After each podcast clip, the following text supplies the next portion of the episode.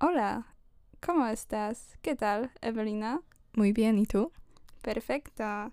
¿Qué hacemos? Vamos a hablar sobre el cine español. Dzień dobry, witamy w DKF na luzie, a ze mną jest Ewelina Dąbek. i ja, Aleksandra Mąkowska. Dzisiaj porozmawiamy o początkach kina hiszpańskiego. początkach i, I tym wszystkim, co się działo potem. Dokładnie. Zapraszamy bardzo serdecznie.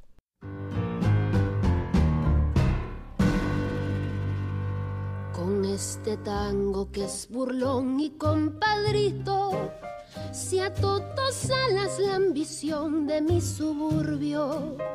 Con este tango nació el tango y como un grito salió del sórdido barrial buscando el cielo. Początki kina hiszpańskiego sięgają końca XIX wieku, kiedy to po raz pierwszy pojawiły się w Hiszpanii projekcje filmowe. W 1895 w Madrycie odbyła się pierwsza projekcja filmowa i ona zaingurowała taką erę kina w Hiszpanii. Mm, Tak naprawdę w tym początkowym okresie hiszpańskiego kina filmy były importowane z Francji i z Włoch. Tak, myślę, że też e, warto, zanim przejdziemy do tego, jak faktycznie ta kinematografia rozwijała się w Hiszpanii, warto wspomnieć, w jakim momencie to kino do tej Hiszpanii faktycznie przybyło. E, Bo przybyło w momencie nieciekawym, w momencie, e, kiedy Hiszpania była w kryzysie, w kryzysie takim trochę ukrytym, dlatego że oficjalną narracją ze strony tej rządu i króla było to, że Hiszpania nadal jest imperium, nadal posiadała kolonie, więc gdzieś tam w świadomości hiszpańskiej takim imperium rzeczywiście była. Niemniej jednak y, problemy w koloniach, głównie na Kubie, doprowadzają ostatecznie do tego, że Hiszpanie tracą tą kolonię, tracą pozycję imperium i właśnie przybywają do momentu, kiedy nie wiedzą, kim tak naprawdę powinni być, jeżeli nie już imperium. No i tutaj pojawia się kino, mm, nowy środek przekazu. Tak, dokładnie. I tak naprawdę pierwsza taka hiszpańska wytwórnia filmowa to była braci Lumière, czyli Ewelina, może ty to powiesz? Cinematografo Lumière, dobrze powiedziałam? Bardzo dobrze powiedziałaś, przepięknie. Super. I wytwórnia stała się szybko taką jedną z najważniejszych w kraju i produkowała filmy dokumentalne oraz takie krótkie fabuły, gdzie wcześniej tak naprawdę nieliczne filmy były tworzone na miejscu. Tak, tutaj zdecydowanie na początku rozwoju kina hiszpańskiego dominowały dokumenty. Dokumenty w postaci przedstawiania po prostu wydarzeń, festiwali, różnego typu eventów, które odbywały się w tamtym czasie w Hiszpanii i poza nią. Mamy tutaj przykład bardzo ciekawego dokumentu, które po hiszpańsku będziemy nazywać vistas. Vistas, czyli takie widoki, pocztówki.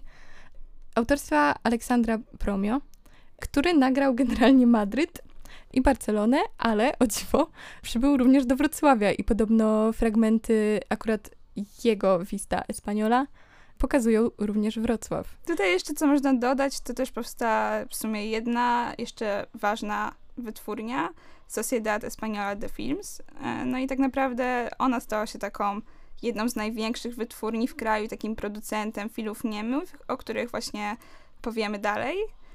Tak, tutaj możemy wspomnieć o pierwszym filmie fabularnym z 1897 roku, Rinia en un café, czyli Kłótnia w kawiarni.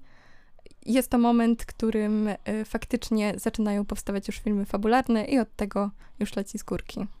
Tak, tutaj myślę, że też warto wspomnieć o takim filmie jak Przeklęta wioska w reżyserii Floriana Reya, mm, który uznawany jest tak naprawdę za pierwszy taki hiszpański film artystyczny.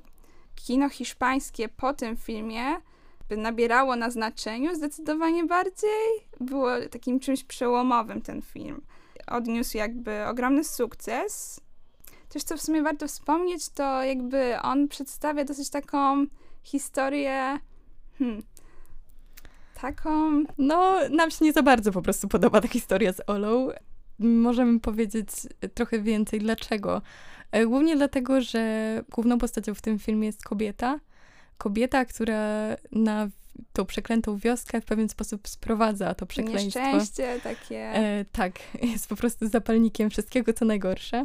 Tak, no i w sumie to nie był jakiś taki odosobniony punkt widzenia w kinie hiszpańskim, bo taki motyw pojawia się dosyć często, na przykład w Nieludzkiej, w kinie francuskim. Jest to coś, co...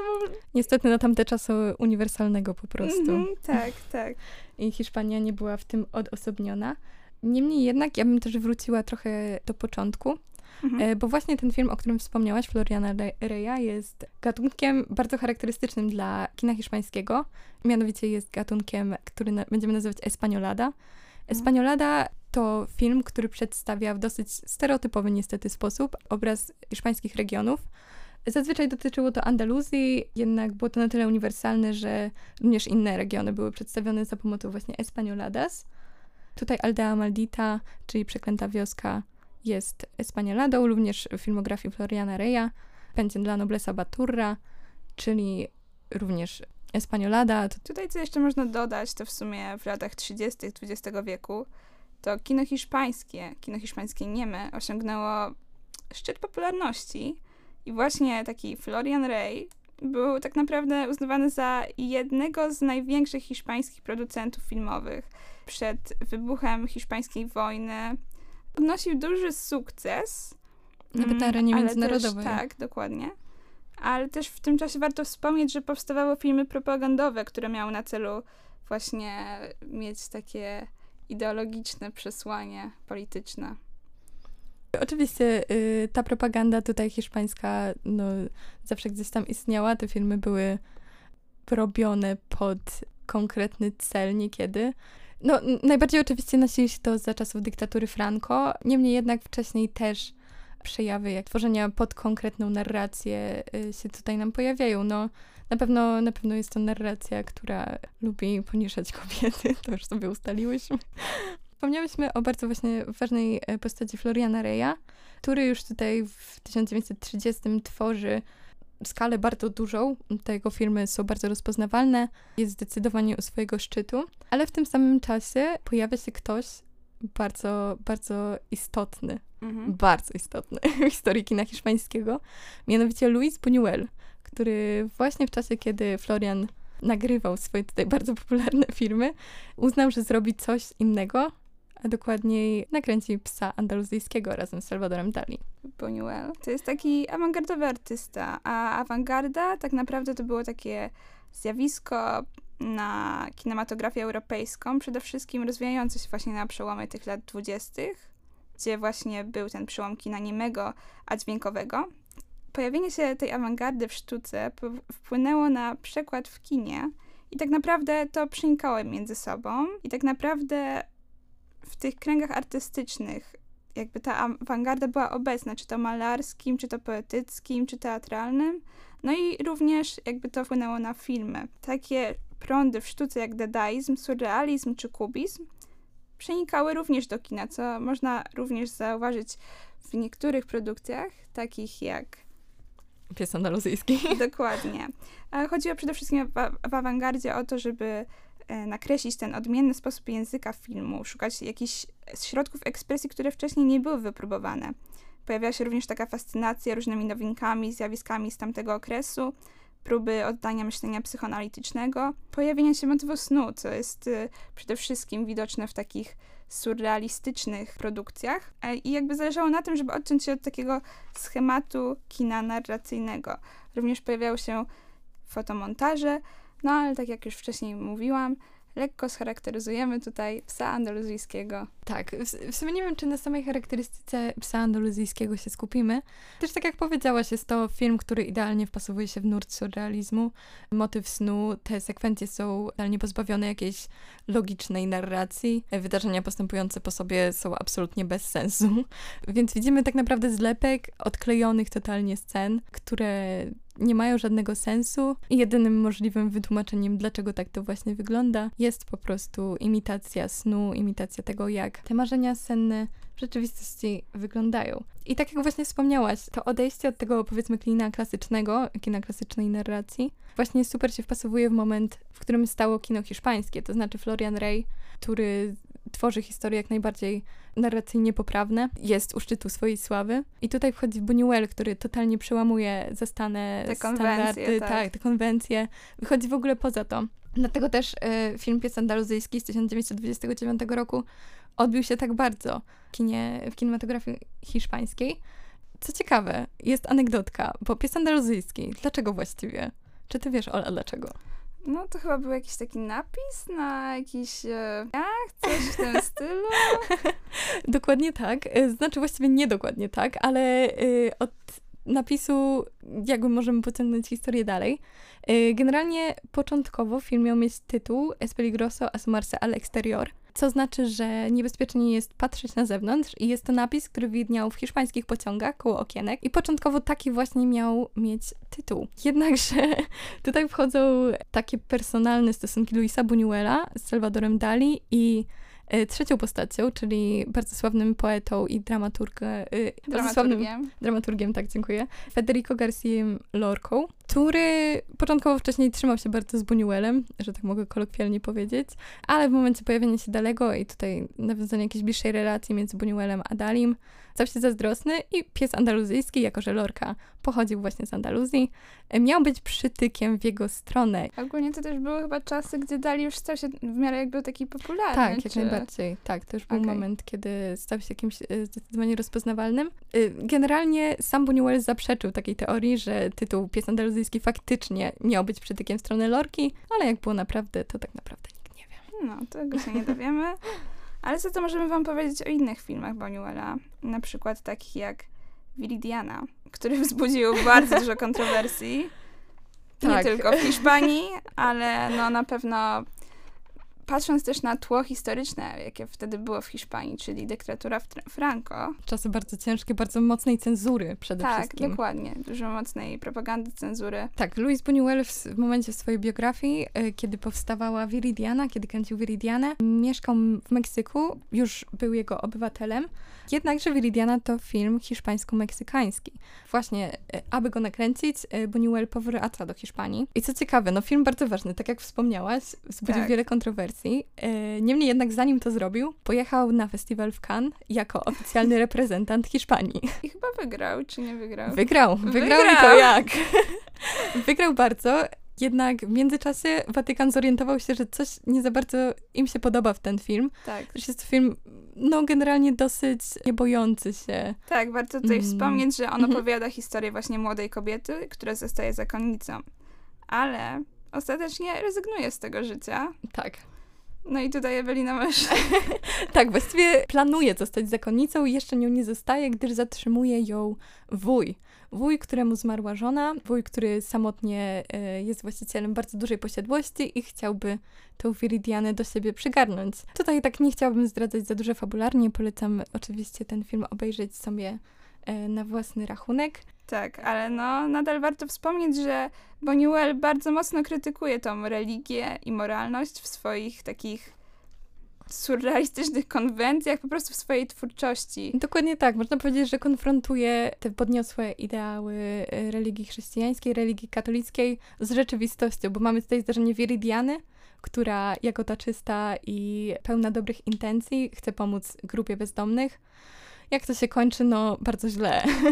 Dlatego to po prostu było takim zderzeniem i wręcz ośmieszeniem tak naprawdę jakichś takich wartości, które w realnym po prostu świecie nie, są, są nie do spełnienia. I dlatego tak bardzo ten film oburzył Watykan. Oczywiście pojawia się w nim taka bardzo słynna scena odtworzenia Ostatniej Wieczerzy, w której występują żebracy i jest to scena no mocna. Warto też wspomnieć, co się stało tak naprawdę po festiwalu tak, e, z tym filmem, co zrobił tak. Franco. No, Franco postanowił zadziałać, postanowił przybrać postawę aktywną. Po oburzeniu, Wa- oburzenie Watykanu zdecydowanie sprawiło, że po prostu Franco uznał, że musi coś z tym zrobić. Zaczął od zniesienia z funkcji e, dyrektora kinematografii i teatru osoby, która pojechała odebrać tą nagrodę, więc ta osoba będąc w Cannes została po prostu zdetronizowana ze swojego stanowiska. A ponadto Franco uznał Viridianę jako film, który tak naprawdę nie powstał i zaczął prowadzić narrację, że tego filmu w ogóle nie było. I aby to Tak. osiągnąć, uznał, że zniszczy wszelakie kopie. Tak. E, Wyobraźcie sobie, że podczas właśnie takiej dyktatury Franco e, większość filmów tak naprawdę była jakoś zmieniana, jakieś sceny były wycinane, była bardzo duża cenzura podczas m, tak naprawdę na większość produkcji filmowych, zwłaszcza tych zagranicznych, które jakby nie obejmowały jednak tych y, założeń. Właśnie, więc y, Franco w ramach ocenzurowania tego, co się stało, e, stał się skandal. Uznał, że zniszczy wszelkie kopie. Jednak aktorka odgrywająca rolę Viridiany, Viridiany, Sylvia Pinal, przechytrzyła Franco i po prostu zabrała jedną z tych kopii i uciekła do Meksyku. I dzięki temu właśnie możemy To jest prawdziwa historia. Viridianę. Tak, to jest prawdziwa historia. Jak z najlepszego thrillera. Naprawdę, ale wydarzyła się naprawdę. Dlatego całe szczęście, że Sylvia Pinal uratowała Viridianę, gdyż jest to film naprawdę wartościowy. Kolejną ważną produkcją w twórczości Buñuela jest Anioł Zagłady z 1962.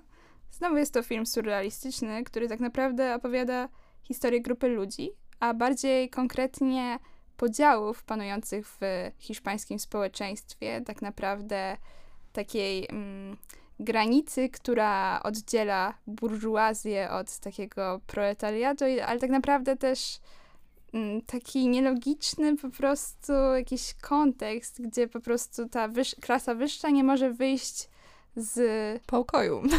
Dosłownie. Dokładnie. Co ciekawe, y, jest to najbardziej osobisty film w ogóle Buñuela, bo nawiązuje, podobno w bardzo wiele scen nawiązuje do jakichś żartów y, z czasów, kiedy Buñuel był w Residencia de Estudiantes. To było takie mm, towarzystwo skupiające intelektualistów z y, hiszpańskiego pokolenia 27.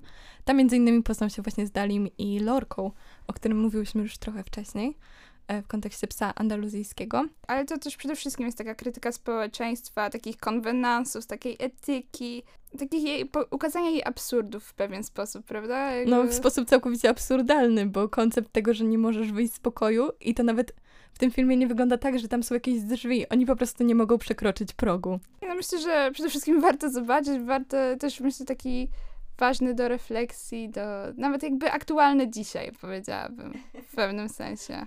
E, Warto też e, wspomnieć o zapomnianych. To jest Tak, taki, my o nich nie zapominamy. dokładnie, a jest to bardzo taki naturalistyczny film, który przedstawia Przedstawia temat bardzo y, smutny i przykry, bo opowiada o grupie nastolatków, właściwie dzieci, mieszkających w meksykańskich slumsach. Tak, trochę mi się to kojarzy w sumie z City of God, czyli e, przedstawiający taki portret trochę slumsów w Rio. Ale ogólnie jakby, jeśli chodzi o historyczny, czasowy przedział, jest to zupełnie inna trochę rzeczywistość.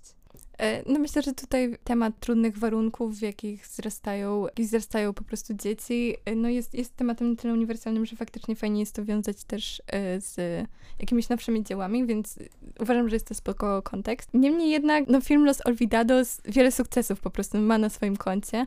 Jest wpisane na listę UNESCO na przykład. Tak, na listę Pamięć Świata.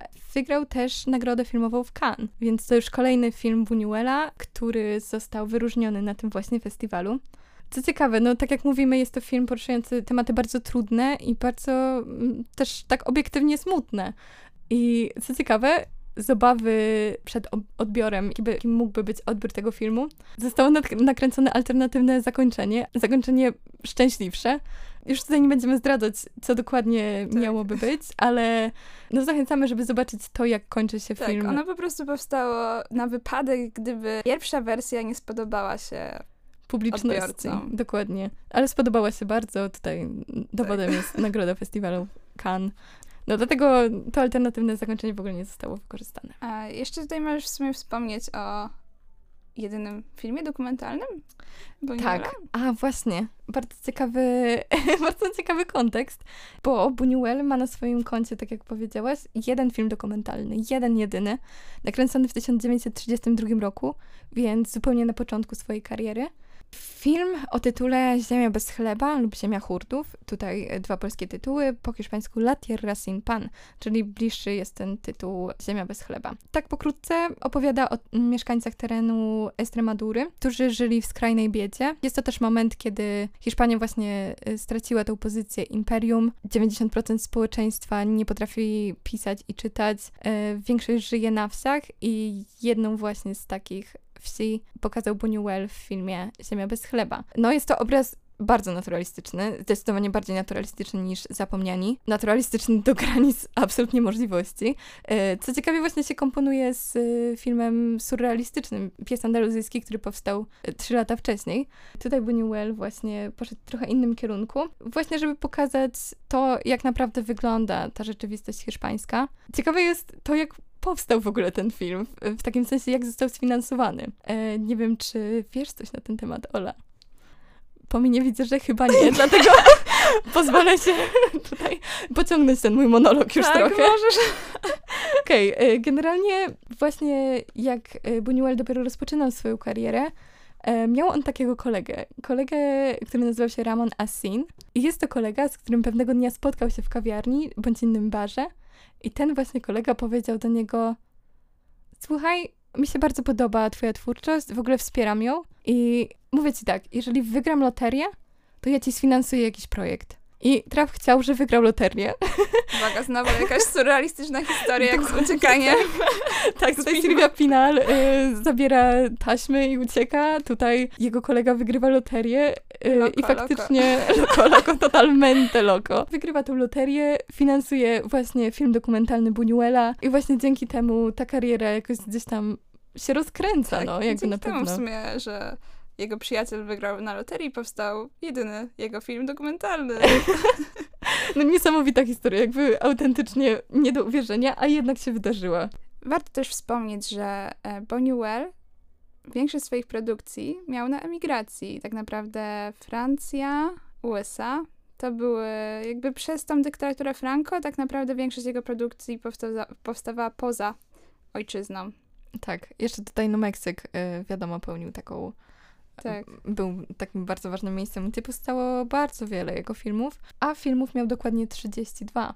Ale już myślę, że od Buñuela będziemy trochę odchodzić, zostawimy go w spokoju. Buñuel umiera w 1983 roku, ale kino hiszpańskie Kino hiszpańskie nie umiera. nie umiera dokładnie. Ponieważ tak. tak naprawdę po tym reżimie Franco, gdzie była ograniczona dystrybucja filmów, gdzie była nałożona ta cenzura, gdzie tak naprawdę ta infrastruktura kinowa no, nie działała zbytnio, to w latach 60., 70. to kino zaczęło zyskiwać na sile. I tak naprawdę z takich ważnych filmowych twórców, którzy tak naprawdę wychodzili z tej Uśpienia, bo Tak, nazwijmy to tak, tak tak. ładnie. e, Uśpienia dyktaturą i cenzurą i e, propagandą. To był na przykład reżyser taki jak Carlos Saura, którego możecie znać na przykład z DKF-u Politechnika, gdzie puściliśmy właśnie Nakarmić Kruki. Nakarmić kruki, e, bardzo ważny film w filmografii e, Saury. Tak, może powiesz trochę więcej o jednej z głównych takich interpretacji tego filmu pod kątem e, hiszpańskiego społeczeństwa. Tak, właśnie y, istnieje bardzo wiele interpretacji bazujących na, na tym, y, że widzimy bardzo różne twarze Hiszpanii. Jest to pewnego rodzaju rozrachunek właśnie między innymi z dyktaturą Franco, y, z tym, że Hiszpania przez bardzo długi czas uważała siebie i postrzegała siebie jako imperium. To wszystko gdzieś tam zostaje jak w soczewce skupione w, dzięki Carlosowi Saurze w filmie Nakarmić Kruki. Mamy przedstawione wiele pokoleń. Y, Mamy pokolenie ojca. Ojciec, postać w tym filmie dosyć nieobecna. Postać w mundurze wojskowym, postać bardzo surowa i Tak, nie taka okazująca... dominująca Tak, jednak. surowa, dominująca. W interpretacjach postrzegana jest jako właśnie ta Hiszpania za czasów Franco. W opozycji do tego mamy matkę, matkę głównej bohaterki, która jest słaba, jest trawiona samotnością, też y, chorobami psychicznymi. Scena, w której dosłownie jej matka wykrwawia się na śmierć, jest bardzo symboliczna. Matka jest symbolem właśnie tej współczesnej Hiszpanii, która Próbuje się jakoś odbudować. tak, zniszczona tej po bardzo wielu traumach. Gdzieś tam szuka swojego miejsca, ale jest bardzo słaba. Jest bardzo słaba i wręcz nie jest w stanie przeciwstawić się temu wszystkiemu, co się nabudowało na przestrzeni tych lat. Mamy również postać starszej kobiety, starszej kobiety babci, która dosłownie siedzi i ogląda zdjęcia. Jest to Hiszpania, y, bardzo stara Hiszpania za czasów monarchii. Gdzieś tam wyraża to jakiś taki sentyment do czasów, kiedy Hiszpania była wielka. Tak, to jakiegoś imperializmu, jakieś takie fascynacje. Dokładnie tak, jakiejś po prostu dominacji Hiszpanii tak naprawdę nad innymi państwami. I mamy właśnie głównych bohaterów filmu, czyli dzieci. Dzieci i nową generację. Nową generację, która wchodzi przy dźwiękach popu, przy dźwiękach piosenki Porquete Was, nadzieją na to, że będzie w stanie coś zdziałać. Jest już dużo silniejsza od tej Hiszpanii współczesnej. Do czego doprowadzi, no tutaj tego film nie wyjaśnia, po prostu pokazuje tu dynamikę. Gdzieś tam wokół tego wszystkiego krąży Gosposia. Gosposia, która jest takim centrum i po prostu zlepieniem tej przeszłości i przyszłości. Gdzieś tam takim wentylem między tym wszystkim. Możesz tutaj dodać jeszcze taką ciekawostkę. Myślę, że aktorka, która Tak. grała dziewczynkę. Właśnie, bo mi osobiście bardzo, bardzo podoba się gra Anny Torrent. Anny Torrent, czyli głównej bohaterki e, w Nakarmić Kruki. I historia za tym jest taka, bo jak ona w ogóle znalazła się w filmie Carlosa Saury. Generalnie nie był to pierwszy film, jaki, w jakim zagrała Anna Torrent e, wcześniej. Zagrała w Duchu Rojów z 1973 roku w reżyserii Wiktora Enrique. Miała wtedy 7 lat i właśnie po premierze tego filmu Saura zobaczył, zobaczył jak odgrywa swoją rolę, e, również główną, w tamtym filmie. Uznał, że absolutnie konieczne jest zaangażowanie Mm. jej do jego produkcji i tak właśnie się stało, czyli właściwie jeden film przyniósł ją do drugiego. Co ciekawe, Anna Torrent aktualnie nie zajmuje się aktorstwem, odeszła od tego i jest informatyczką. Więc y, no tutaj, mimo że jej kariera rozwija się bardzo dynamicznie, bo dwa duże filmy, naprawdę głośne i naprawdę znaczące w rozwoju kinematografii hiszpańskiej, To jednak wybrała inną ścieżkę. jednak wybrała inną ścieżkę, no. Dokładnie. Ale Carlos Saura dalej się nie zatrzymuje.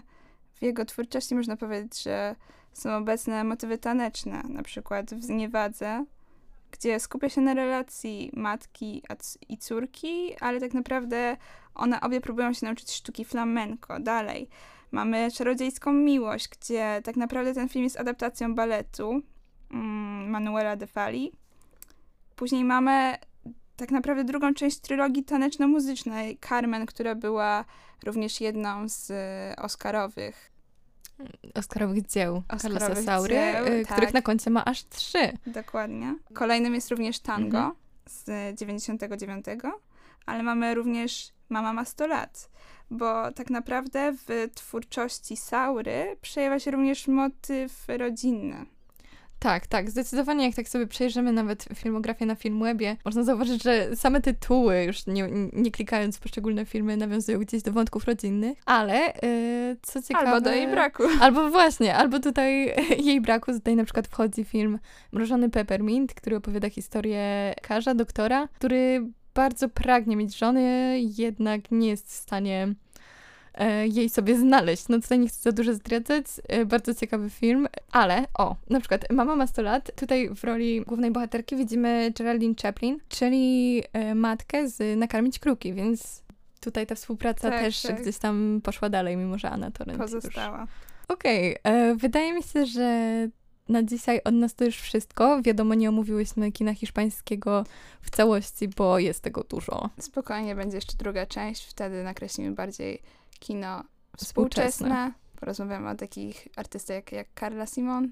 Karl Simon, Almodóvar. Tutaj Dokładnie. pogadamy już bardziej o tym, jak faktycznie teraz wygląda to Tak, kino. oraz o takim porównaniu kontekstów, o tym, jak to kino hiszpańskie radzi sobie na międzynarodowych festiwalach, jakie motywy się przejawiają. Także zostańcie z nami na dłużej, a dzisiaj ze mną była Ewelina Dąbek. No i ja, Ola Mąkowska. Dziękujemy bardzo za uwagę. Dziękujemy bardzo, to była Adios. fajna zabawa. Adios.